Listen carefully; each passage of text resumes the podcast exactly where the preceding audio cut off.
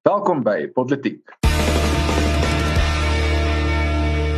Reg so, ek is Herman Pretorius en saam met my vandag in die virtuele ateljee is daar net een ekstra ander mens. Maar dit is alright. Dit is daarom Daniel Jacobus Elof, die de, die derde, die derde. Yes. Wel, ek is Herman Pretorius en in vandag se episode die taksies vol, die koffers leeg en plaasmoorde is haatpleeg. Maar ja, ons uh, ek ek mag dalk net een Daniel hier wees vandag, maar uh, soos wat ek maar op die rugbyveld was, was ek ook nommer 1 op die veld en nommer 1 in julle harte en ek bly om ook nommer 1 op hierdie regstreekse uitsending te wees vandag. Ehm um, kom ons kom sommer hierdie episode af met 'n lekker en interessante eerste onderwerp en dit is natuurlik die situasie met die taxi-bedryf. Ons het ek dink so 'n week of twee terug gepraat oor die stakings wat daar was uh in die bedryf en hoe dit uh die land ontwrig het en hoe hulle maar gegeewe perd in die bek gekyk het. Maar toe staan natuurlik nou hierdie week verdere verwikkelinge oor uh die ek wil amper sê die taxi bende want dis op die ouene dink ek wat hulle op 'n manier is. Ja, nee, kyk die uh, van die begin een van die eerste kwessies van hierdie hele uh, inperkingsstaat of grendeltydperk. Ek kan nooit onthou watter een is watter een nie, maar die lockdown. Ehm um, van die begin van hierdie situasie af was daar regtig vrae oor uh oor die taksies want jy jy sit met 'n situasie waar so baie mense afhanklik is van hierdie publieke uh, vervoerstelsel. Ehm um, maar wat in 'n virus wat natuurlik in in in nabye oordrag uh, op sy gevaarlikste is is dit natuurlik die ruimtes waar die infeksie risiko so hoog is as wat ek dink dit moontlik kan wees. En ehm um, ek onthou die nonsens en die die, die geheen en weer op wat die taksies uh, hoe vol hulle mag wees hoe vol hulle nie mag wees nie en of jy 'n masker moet dra of jy en al daai uh, goeders. En nou het ons met die uh, aan beweeg van fase 5 na fase 4 na fase 3 het ons hier 'n interessante situasie waar uh, die taksies en die regering as dit ware weer hier ehm um, uh kwaai vriende geraak het. En natuurlik is daar die held van die kabinet ou Fikile Mbalula daarso om seker te maak dat alles verloop vlot en mooi. Maar die kort nie lank daarvan is die taksies het gesê hulle uh Santaku het gesê hulle gaan op 100% kapasiteit funksioneer terwyl minister Mbalula sê dat um, hy kan nie hy kan nie een uh wat unilateraal of eensaidig sommer net besluit dat die 70% uh, kapasiteitsbepaling word nou vergroot tot 100% nie. En die interessante opmerking wat hy wat hy maak is dat hy kort toestemming van die nasionale koronavirus uh, wat se bevel ja sentrum wat sal die NCC ja, National, National Command Council die bevel ja bevel, dis 'n bevelraad bevelraad ja, ja. Maar so, dit is die situasie nou hierso. Jy het die taxi, uh, jy dit dis dis basies 'n bende oorlog in een manier. Jy die jy die een bende wat die ANC is en dan jy die ander bende wat die taxi industrie is. Maar die hartseer ding is, net een van daai twee bendes doen baie vir die ekonomie en dit is om mense by die werk uit te kry. So in in 'n in 'n kompetisie tussen 'n regmatige verkose regering en 'n taxi bende, is dit vir my as Suid-Afrikaner 'n baie unieke situasie dat ek nie kan besluit by so 'n van by watter van hierdie soort van bendes wil ek my my my heil soek nie. Wel dit dit, dit gebeur natuurlik in 'n baie interessante tyd op die oomblik. Ek het vanoggend met 'n kollega toe sit ons en praat oor oor ons ons hofsaake op die oomblik wat natuurlik baie van dit fokus op verskillende COVID regulasies en inperkingsregulasies. En dis ek daar's amper in hierdie inperkingstydperk drie fases wat sy eie tydsgees, sy eie zeitgeist wat erin gehad het net van daai paar weke of maande. Ehm um, aanvanklik was dit ek dink absolute volkomme ondersteuning vir die staat want almal was absoluut verskriklik bang vir hierdie virus. Ons het min geweet, ons het nie geweet wat gaan dit doen nie, wat wat se gevare hou dit in nie. En toe almal regtig net net dit ondersteun en toe was litigasie verskriklik moeilik om te probeer bietjie meer beweegruimte vir verskillende mense kry. Ons weet daar was daai hofsaak oor die Moslem kerk uh, wat nie suksesvol was en baie van die vroeë litigasie was onsuksesvol. Maar toe is daar 'n venster tydperk waar litigasie baie suksesvol was waar ons goeie uitsprake gesien het en goeie uh, aansoeke gesien het wat hierdie regulasies uitgedaag het. Maar ek vermoed ons is nou weer besig om in 'n tyd in te beweeg waar dit bietjie moeiliker gaan begin word want die howe is bewus van die feit dat die infeksiekoers is besig om te styg en dat die gevaar is nou regtig op ons stoep. Uh, dit is nie meer net hierdie uh, bandjie vol mense wat siek is nie. Ek bedoel ons weet nou op die oomblik die die hoeveelheid mense wat uh, aktief siek is, uh, word elke dag verdubbel elke 8 dae. Met ander woorde dit dit begin nou 'n enorme probleem word en ek dink dis in, in dieselfde lig wat hierdie taxi onderhandelinge nou ook gebeur en ehm um, on, ons moet bewus wees dat dit nou begin groter word. Ons sien in Gauteng word nou amper die nuwe uh episentrum van van hierdie virus en dit word 'n enorme probleem.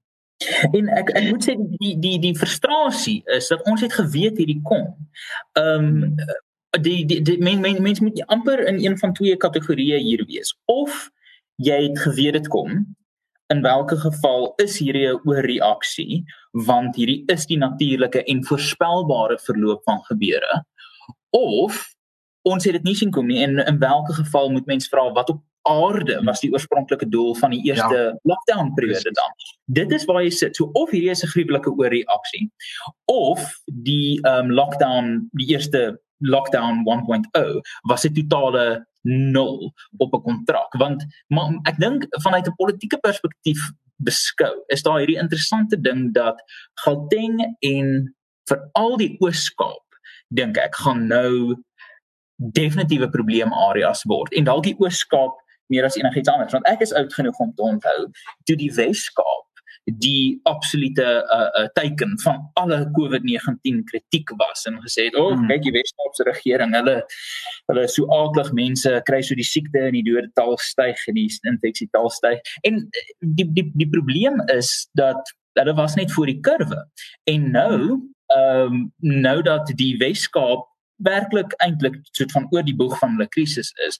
Nou raak dit amper 'n politieke probleem vir die ANC want dis nou nie net meer oor daai ander kant waar die ander partye regeer is die ja. infeksiekoers hemel hoog nie. So as ons kyk na wat in Gauteng gebeur, moet mens glad nie uit die oog verloor dat die ANC party ehm um, of die ANC politieke party is wat omtrent 98% van die kere meer omgee oor sy politieke toestand en sy greep op mag as as as enigiets anders.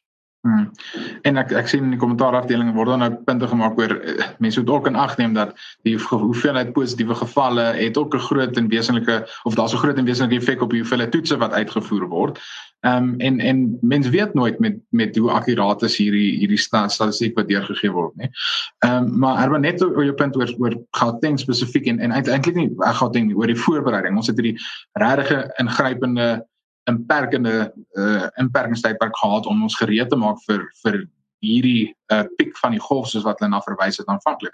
Maar nou moet ons net wel en dan weet ek uit eie ervaring uit wat gebeur met baie van die geld. Ek het ek het kollegas en en vriende wat werk in verskillende van die staatshospitale oor Gauteng. Dan het die hospitale nou hierdie enorme COVID begrotings gekry en ewe skielik fondse gekry om die hospitaal gereed te kry. En dan eenvoudig wat gebeur het is hulle die plekke oorgedeel of hulle het nuwe banke gekoop vir die teekamers. Nou ek bedoel dis absoluut nuttelose voorbereidingswerk. Ek bedoel net omdat jy geld kry en jy spandeer dit in die opbou tot die die krisis beteken nie is besig om regtig wesenlike goeie stappe te neem om om proaktief op te tree om hierdie virus teen te veg. Maar kyk dalk ek ek dink op die op die teels en op die tee verstaan hulle hulle hulle mag dalk verkeerd verstaan het as ons gepraat het oor ehm um, jy weet maak seker dat hierdie siekte nie aanteel nie. Toe het hulle net aanteel gehoor en hulle het gedink, "Wat?" Ehm um, so daai flou grappie tersyde. Maar ek dink nou nou het hulle nou het hulle regte teespoed oor dit hulle dit gedoen het. Eh, jy het nie daai grappie opgekoffie nie. Dis netjies. Maar ehm um, maar maar maar ek dink die ek ek sien hier so in die kommentaarafdeling is daar ook 'n 'n 'n vraag oor ehm um, die data en en dis nie meer dodelik as griep nie volgens hierdie een persoon wat kommentaar lewer. Nou my probleem is ek is nie 'n statistikus nie. Ek bedoel wat se kanse. Maar ehm um, daarso daar daar ek ek ek ek ek is nie 'n datawetenskaplike nie. So ons sit hier met 'n situasie waar ons kry data wat ehm um, ek probeer verstaan maar daar's 'n paar probleme. Een is ons weet nie hoe onlangs hierdie data is nie. Ek het al argumente gehoor van mense wat sê dat die data die ehm um, uh, uh, inligting wat ons vandag sien is 2 weke oud. Ehm um, omdat dit die toetsuitslae van 2 weke gelede is. As jy dit in ag neem, dan verander dit nogals die prentjie drasties. Dit skemer dan ook deur in wat die uiteindelike dodetal is. En ek dink dit was minister Mkhize wat nou self gesê dat die dodetal of die dodes die die sterftesyfer is so 1.9%. Nou ek dink daar is 'n oorskatting gebaseer op wat ek kan verstaan.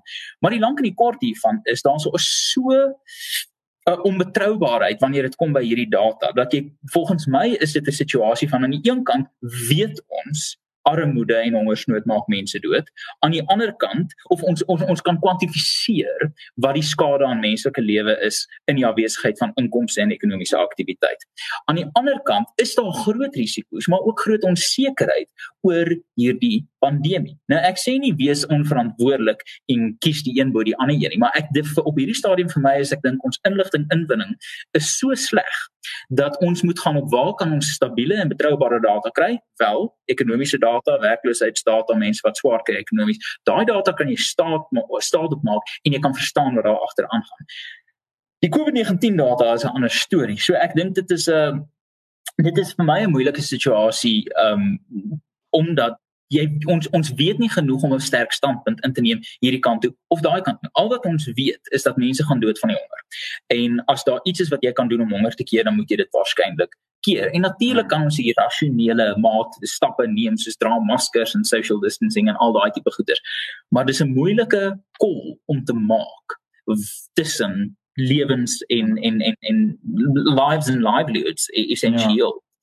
Ja, ja en, en, en Erwan ons het ons het nou ek dink dit was vandag het dit bekend is het dit bekend gestel dat vir die die eerste kwartaal van die jaar het ons 'n inkrimping van 2% gesien in die, in die BBP. Met ander woorde voor die inperkingstydperk was Suid-Afrika se ekonomie al in hierdie krisis. Lank voordat daar al hierdie uh, beperkende maatreëls in plek is, het ons al klaar gesukkel en hierdie laat ons definitief ongetwyfeld net meer sukkel.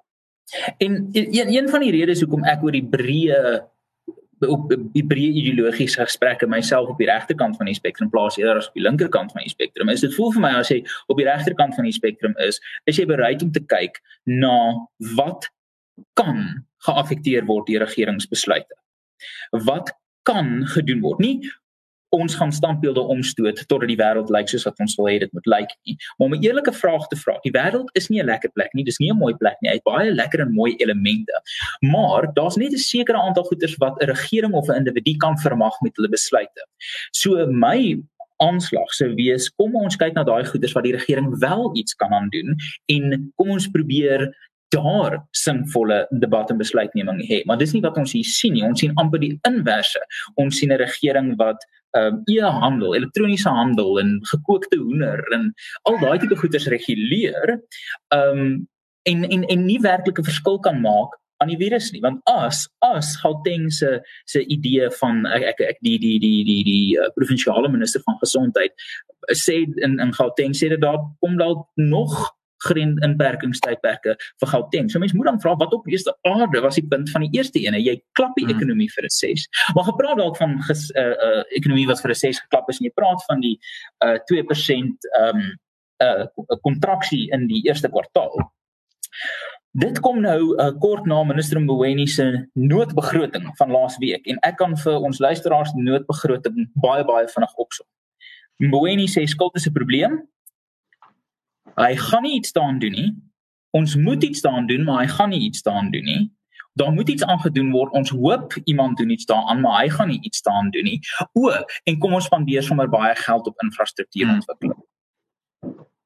Ek, ek dankie. Dit is my opsomming van die begrotingsrede. Ja, dit dit die punt is dit is en en dit is nie net die uh, opsomming van hierdie begroting sê nie. Wel, eintlik nee. Ek jok, daar is 'n klein bietjie van 'n verskil. Mboweni gaan ten minste daai een stapie verder as wat baie ander ministers van finansies gaan en hy erken ten minste ons het 'n skuldprobleem. Wat ek dink dit, dit is ook problematies op 'n manier want dit dien so 'n bietjie as 'n weerlig afleier. Almal sê net, "Ag, oh, maar kyk, hy erken ten minste die probleem," maar daar word nie reg verder gegaan as net uh, as net dit nie. Maar ehm um, dit, dit is dis dis maar net 'n herhaling van wat nog elke keer gebeur. Ons sê ons erken dit, ons sukkel, ons erken werkloosheid se probleem, ons erken ons slurende ekonomiese groei se probleem en ons oplossing is om net eenvoudig soos die donkie te gaan en verder sy kop teen dieselfde klip te stamp. Dis dis regtig so eenvoudig soos dit. Wel kyk die donkie is daarom gelukkig want daar's minstens nog geklip. Ehm um, hmm. maar ek dink uh, wat ons ons sit hier in 'n in 'n konteks waar dit was opmerklik dat minister Mboweni aan 'n uh, in 'n in 'n in 'n sessie aan sy parlementêre kollegas ehm um, gesê het of of as dit ware gedefinieer het wat 'n sovereign debt crisis is wat 'n wat 'n wat 'n skuldkrisis is. En mens kry die gevoel dat hy moes dit doen want daar's klomp kollegas in daai parlement wat nie noodwendig weet wat 'n skuldkrisis is nie. Hy het verwys na uh, Duitsland in die 1920s, die Weimar Republiek waar die goeie ou storie is dat jy het, jy het maar toe geloop met 'n mandjie vol muntstukke en dan word die mandjie gesteel en die munte word agtergelos want dit is so min werd. Hy het uitgekyk verwys na Argentinië en en Griekeland in die in die vroeg 2000s vir die afgelope 20 jaar en regtig die punt gemaak dat hiperinflasie, ehm um, as jy jy sit in 'n skuldkrisis. Nou die regering kort geld. Hulle kan dit of kry deur belastings te hef, nie moontlikheid nie in Suid-Afrika as jy belastingheffings alreeds uh enorm op die mense wat wel belasting kan betaal. Jy kan ehm um, besteding snoei, maar ek bedoel dit is 'n idee wat die ANC ehm um, vir 10 jaar of 13 jaar nou al nie ernstig oorweeg nie, dan kan jy geld te druk. Maar dit is dan die probleem wat minister Mboweni gewaarsku het teen hiperinflasie, want dit is wat ons gesien het in Zimbabwe. So wat jy dan sit hier is waar kom die geld vandaan? En ek sien Lorinda Pretorius hierso sê ons is so geskroef. Nou dit hang af wat se tydskaal jy hierso na kyk. Ek ek stem saam dat daar is 'n hele groot aantal skroewery wat hier en nie die goeie sin nie, maar daar's 'n hele Paulus, daar's 'n hele groot aantal skroewery uh wat aangaan uh uh in in in soort van in die land. Maar as mens kyk na 'n uh, tydsinterval, dink ek die kort en medium termyn vir Suid-Afrika lyk aklig. Ek dink dit gaan baie swaar kry en ongelukkig so. Maar, maar paradigmas van regering ehm um, denke en aanslagte verander net in tye van krisis. As mens daaraan dink dat dit die 70er jare gekos vir Brittanje om van die 1940 se kollektivistiese regeringsbeleid na die Tweede Wêreldoorlog te beweeg. Krisis is die enigste basis waarop verandering kan gebeur. So ek dink in die kort en medium termyn sien ons daai krisis dramaties en pynlik uitspeel. Maar ek dink nie ons is geskryf nie want ek dink daar is 'n goeie dosis common sense in in in die algemene Suid-Afrikaner want die data hou aan dit vir ons wys. Maar mm. foute in die land is vet sosialiste. En en natuurlik, ehm um, baie mense het gesê nee maar die die ekonomie gaan net eenvoudig so 'n punt bereik teen 2024 dat mense nie vir die ANC verder sal stem nie. Wel hierdie as as jy daai argument glo, beteken dit hierdie nou het, het nou eenvoudig daai proses versnel. Ehm um, die mense gaan net nou nog meer moedeloos wees met die ekonomie en die mistroostigheid en uh hopelik lei dit tot mense wat begin om hulle hulle krisis op 'n ander plek te trek. Ehm um, ek weet nie noodwendig of ek ek hoop dit is wat gebeur.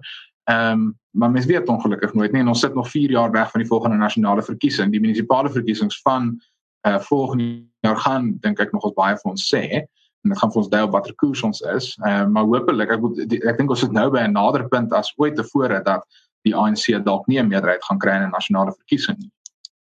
Ja, nee, ek, ek dink jy is reg daarso, maar mense moet dalk ook onthou dat daar so 26 miljoen stemgeregtiges in die land. Die ANC het in die vorige verkiesing omtrent 10%, ag nie 10%, nie 10 miljoen van daai 26 miljoen stemgeregtiges se stemme gekry. So dit is nie asof daar hierdie massa ondersteuning vir die ANC is nie. Daar is 'n probleem in die sin dat hierdie mense het het, het uitvoering geraak met die, die demokratiese proses en dit is eintlik die taak wat oppositiepartye hulle self moet veroplyn is kan hulle hierdie materiaal hierdie materiale omstandighede van die COVID-19 krisis vertaal in politieke kapitaal om te belê in die hmm. politieke stelsel en verandering te kry. Dis nie toevallig dat oor die afgelope 10 jaar neem gewelddadige protes op met 440% terwyl stemdeelname of verkiesingsdeelname daal nie.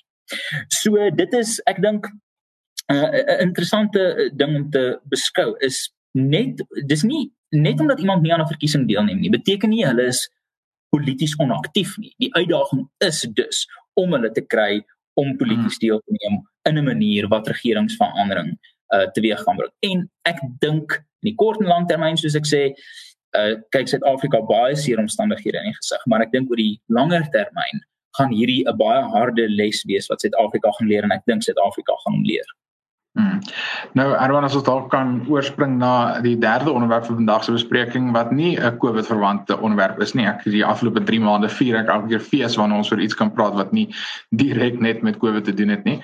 En uh, dit is natuurlik die DA wat aangekondig het dat hulle uh wel eintlik het hulle hulle het 'n verklaring uitgereik waar hulle gesê het uh, waar hulle vir president Ramaphosa vra het en gesê het dat dit is al 'n lang en groot probleem uh, oor plaasmoorde in Suid-Afrika en dat hy regtig sy sy uh, hoe sal hulle sê in Engels is silence is deafening daaroor. Ehm um, en hulle het basies gesê dat plaasmoorde behoort 'n uh, 'n uh, haatmisdaad as geklassifiseer te word. Nou ek, ek weet daar's 'n hele paar mense wat oor dit die idee is wat hierdie aankondiging nou gemaak het so bietjie agterdogtig is. Hulle voel maar dis maar net politieke opportunisme en die idee uh, hoekom hoekom nou ewe skielik is hulle besig om daai iets te sê en nie vroeër nie. Nou ons weet dat die afgelope maand was daar 'n ongelooflike groot toename in plaasaanvalle. Ons het almal gesien wat in die media berig word en wat op sosiale media gedeel word. Ehm um, ek ek kyk eenvoudig uit die uit die oogpunt uit van uh, hoe meer mense besig is om druk uit te oefen oor hierdie regtige ernstige probleem, hoe beter. Ehm um, ek ek dis dieselfde wat ek voel oor grondonteiening. Ek sê nie om wie se mense wat sê dis 'n horribale idee nie solank as wat soveel as moontlik organisasies en mense sê dis 'n horribale idee. Dieselfde voel ek oor 'n uh, plaasmoorde, dieselfde voel ek oor enige ander probleme soos ek voel ek oor geslagsgeweld in Suid-Afrika en en misdaad oor die algemeen. So ek dink dis 'n wonderlike skuif. Ehm um, ek ek dink natuurlik ook werk wat ander organisasies soos byvoorbeeld AfriForum doen oor plaasmoorde lei tot die omstandighede dat die DA uiteindelik iets daar doen. So mense moet dit sien as dit is eintlik maar ketting reaksie en elke liewe gedeelte van die reaksie speel hulle rol en het hulle doel om te dien. Ja, ek stem heeltemal saam. Een van die foute wat mense moet vermy is om te dink dat jy kan net jou lojaliteit of jou steun gee vir een organisasie in Suid-Afrika op 'n slag dat dit is of hierdie organisasie en nie 'n ander organisasie nie. Dit is hoekom ek dink Suid-Afrikaners behoort baie meer ag te slaan op beginselpolitiek om te sê soos die beginsel is hier plaasmoorde is is is 'n absolute gruwelike vorm van 'n uh, misdaad en wreedheid.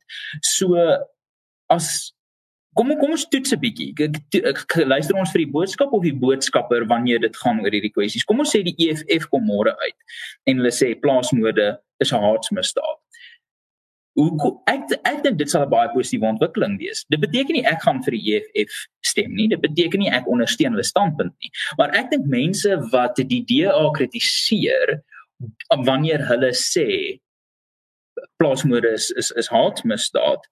Ehm um, dis fair om hulle te kritiseer, absoluut, maar die regte punt word gemaak.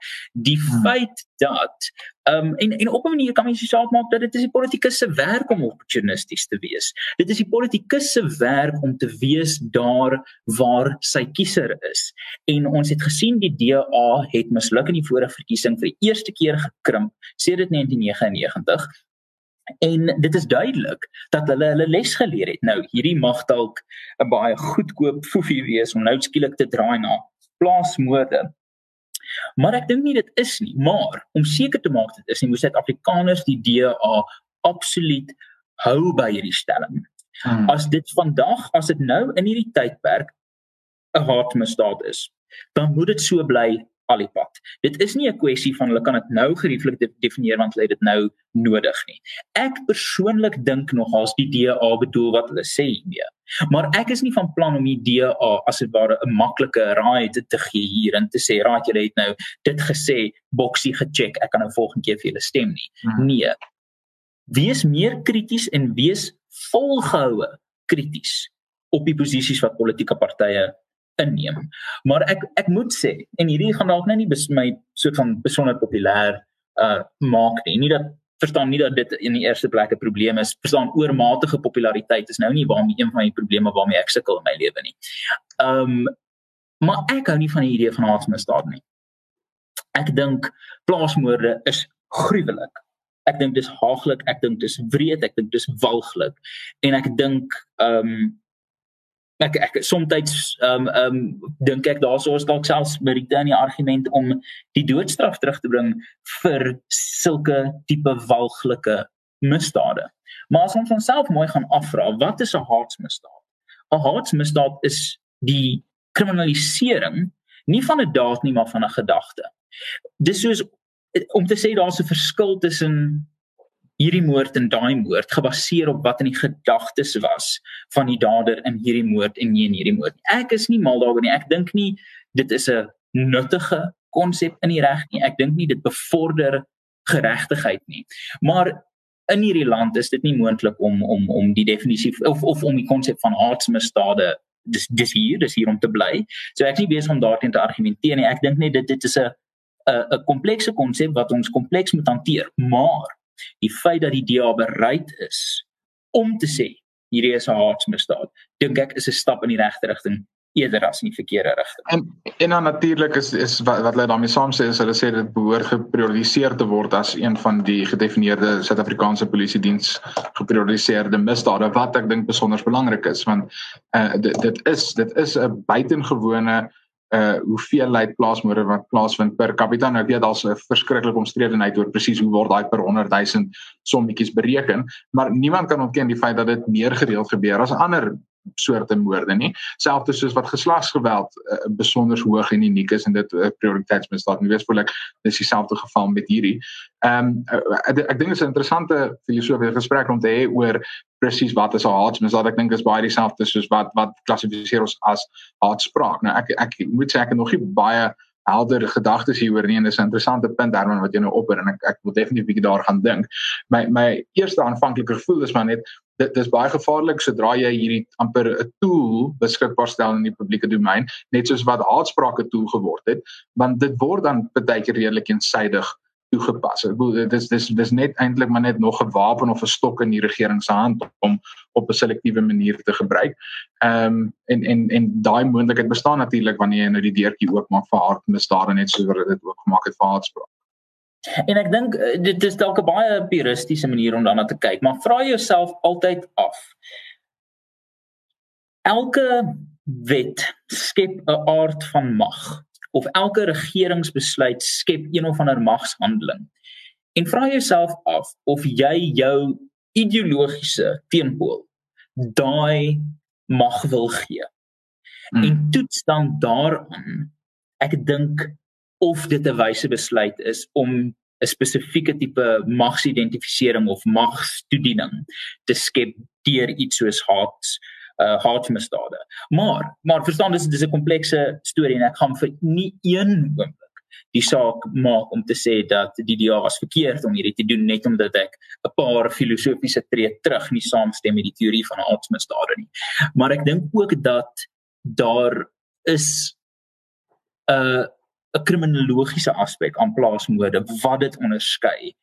Um ek dink in Suid-Afrika het ons so 'n enorme aantal misdaadtipes dat dit amper pynlik is dat ons die verskillende tipe moorde kan klassifiseer maar ons kan ons het bende misdaad ons het plaasmisdaad ons het 'n uh, 'n uh, uh, geweld ag geslagsgebaseerde misdaad. Ons het 'n uh, politieke misdaad en sluipmoorde en al daai tipe goeder. So dit is 'n lelike dit is 'n lelike situasie en dit en en en my die hartseer is is ek dink as mense eenvoudig sosio-ekonomies hierna kyk, staar ons 'n uh, verdere toename in plaasaanvalle in die gesig. Ehm um, die sosio-ekonomiese drukfaktore word al hoe sterker en ons weet dat ongelukkig is is is plase um heel kwesbaar vir vir sulke tipe opportunistiese hmm. of soms nie eers opportunistiese misdaad nie.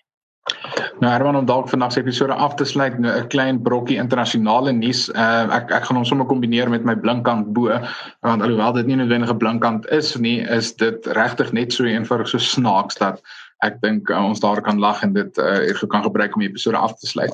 Ek het hierdie week gelees dat L'Oréal die ehm uh, skoonheidsverskaffer of of produkprodusent uh die Frans of Europese ene het gesê dat hulle gaan die woord whitening van alle produkte afhaal want hulle is sensitief vir wat uh verskillende mense oor die woord voel. Hulle gaan ook nie meer praat van uh, ek dink hulle het gesê whitening en lightening.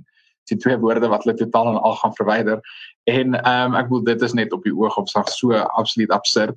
Uh eerstens wat wat bereik dit? Wat is hulle besig om te probeer ehm um, ek dit gaan geen wesenlike verskil maak aan enigiemand nie. En dan natuurlik is maar net uh uh hoe dis die die virtue signaling. Ek weet nie wat wat is dit wat uh, Ernst altyd na verwys hy het 'n pragtige Afrikaanse woord vir deegs deegsyns iets ek kan nie onthou nie. Ehm um, maar in elk geval en en dis nou net 'n klassieke geval van hierdie van die die korporatiewe wêreld wat besig is om te virtue signal wat probeer 'n bietjie brownie punte kry en wat ek sê is ek is onder vir die dag wat ons uh blou melk of groen melk gaan drink en wanneer hulle diversiteitskwotas gaan instel vir uh, sneeuval in Europa en Amerika want uit die aard van die saak is dit net maar die volgende logiese stap wat ons neem om die wêreld te red teen alles wat wit is. Maar ek moet sê die um ek met die my blink kan bo sal ek nou by uitkom, maar daar's 'n interessante punt te maak oor uh Nike. Ehm um, waar waar hulle dis mos onlangs bekend gemaak dat um, hulle het iets so 790 miljoen dollar verloor uh in in die afgelope hm, kwartaal of tydperk of iets soos dit. Um, en en en ek het met 'n paar mense in die in die bemarkingssektor gepraat en en baie mense assosieer dit eenvoudig met jy weet um, as ek haat die soort van klise maar verstaan go go go broke is dit jy jy jy jy maak 'n fundamentele ehm um, 'n oordeelsfout eintlik. Oordeelsfout. As jy dink dat deur gesigroom of sportskoene te politiseer wen jy 'n mark of wen jy um uh, koopkrag of of mark 'n uh, 'n uh, uh, mark segment. So dis absurd. Maar my blink kan boos bietjie meer op 'n persoonlike um vlak. Die rede dat ek weet nie of julle dit laasweek gedoen het nie. Ja. Um ja. die rede dat Paulus nie met ons vandag is nie hmm. is dat het julle dit laasweek gedoen? Ek dink ons het dit vinnig genoem, maar jy kan dit definitief as 'n blink kan noem want dit is die rede hoekom ek nommer 1 okay. op die livestream is en nommer 1 in die luisteraar se ja. harte vandag. Ja, nee, nee, nee, my my blinkkampo is ou Paulus het uiteindelik ehm um, hier te midde van die Grendel tydperk ons goeie kollega het Paulus in die eg getree en ons is baie baie baie bly vir hom en Dalena mag die hierdie twee Maritse werklik die wêreld rondrit en uh, ons sien ons sien uit daarna om Paulus weer terug by ons te hê maar ons hoop hulle geniet hulle tydperk hier na die huwelik en die witbrood. Ek weet nie of hulle op witbrood gaan nie. Ek hoop so. Ek hulle gaan. Hulle hulle gaan hulle gaan bietjie op witbrood vir vir 'n week. O, okay, Cullinan toe of iets soos dit.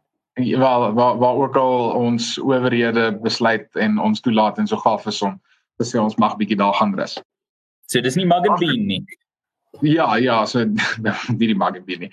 Ehm uh, maar nou ja, soos uh, taksies op 70% kapasiteit is hierdie episode vir nou ook eers verby ons nooi as luisteraar uit om self bietjie te ontnonsens dit die gesprek voort te sluk in die kommentaarafdeling op Facebook en op Twitter. Jy kan ook gerus vir politiek ondersteun deur te klik op die skakel aan die onderkant van hierdie video of aan die onderkant van jou potsending. Jy kan vir ons 'n koffie koop of op Patreon ondersteun as jy hou van wat ons doen.